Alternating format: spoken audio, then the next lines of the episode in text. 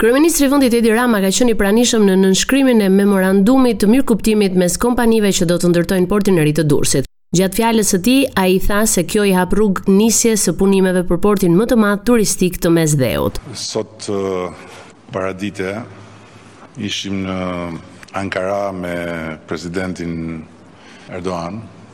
Patëm një takim shumë vëllazëror si gjithmonë dhe ai dëshironte që më mbante pak më shumë, por unë i thash Kam një arsye shumë të fortë që të kthehem po sot në Shqipëri menjëherë sepse finalizojmë një punë intensive negociatash, diskutimesh, vajtje ardhjesh, nganjëherë edhe ë si ta them krisjesh në proces me Muhamed Alabarin dhe më në fund jemi gati të nënshkruajmë protokollin e bashkëpunimit që i hap rrugë ligjit të veçantë për fillimin e investimit për portin më të madh turistik të Mesdheut.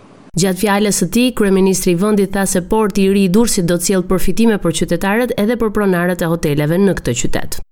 Kryetari i Partisë Demokratike Sali Berisha ka zhvilluar një tryezë bisede me ekspertë e energjisë elektrike dhe hidrokarbureve dhe gjatë fjalës së tij tha se Rama po e përdor energjinë si një mjet terrori ndaj shqiptarëve. Nuk ka logjikë, nuk ka logjikë ekonomike që të pretendohet se do ndërpresim energjinë në vitet më të lagta të vendit që nëntëdhjetë e nëntë pikë nëntë për qind të energjisë e ka nga uji, energjisë elektrike të vendit që ka arrit ose ka prodhuar falë burimeve të reja nëntë teravatë kundrejt shtatë pikë dy që konsumon në total.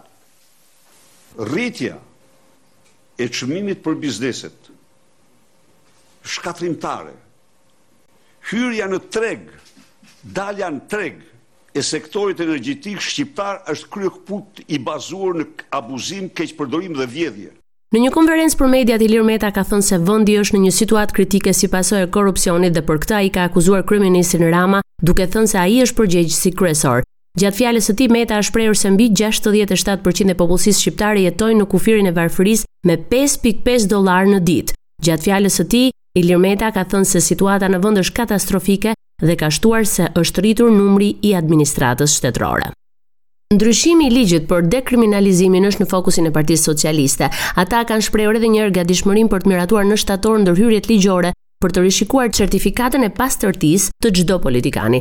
Nisma erdhi me kërkesën e Autoritetit për Informimin mbi dokumentet e ish sigurimit të shtetit. Taulant Balla në një postim në rrjetet sociale garantoi po ashtu se Kuvendi i Shqipërisë do të adresojë gjatë sesionit të ri edhe situatën e papranueshme dhe absurde, siç e quan ai, krijuar nga ana e Sali Berishës pas shpalljes non grata dhe nga SHBA-ja dhe nga Mbretëria e Bashkuar.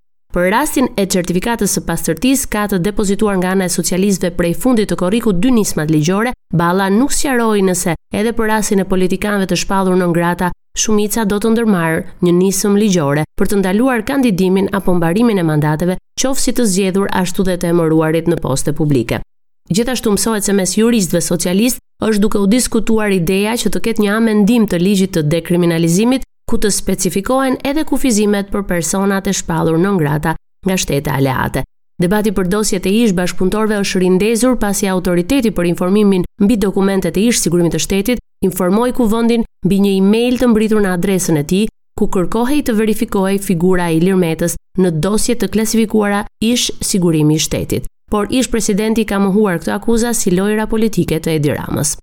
Rritja e çmimeve të karburanteve kanë sjellë uljen e konsumit të tyre. Tkurrja vijoi edhe për muajin korrik pavarësisht pushimeve, ndërsa të dhënat e ditëve të para të muajit gusht tregojnë se tendenca rënëse është thelluar edhe më shumë. Sipas dhënave nga doganat, në korrik janë importuar 53400 ton karburante, me një rënie prej 11% në krahasim me të njëjtin muaj të një viti më parë, duke zbritur pothuajse në nivelin e vitit 2020 kur vendi vuante nga pasojat e kufizimeve për shkak të pandemisë, si dhe konsumi i karburanteve u ul në 52000 ton.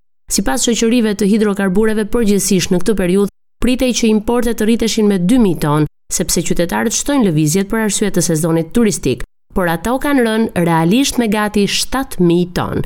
Sipas shoqatës, arsyeja kryesore e rënies së konsumit të karburanteve në vend lidhet me makinat që vijnë nga rajoni për turizëm, të cilët ishin një nga faktorët kryesor që ndikonin në rritjen e sezonit të verës. Tashmë, për shkak të diferencës së lartë në çmim me rreth 30 deri 60 lekë për litër, makinat me targa nga Kosova, Maqedonia e Veriut apo Mali të Zi nuk i afrohen stacioneve shqiptare të karburanteve por vijnë të furnizuara maksimalisht nga vendet e tyre.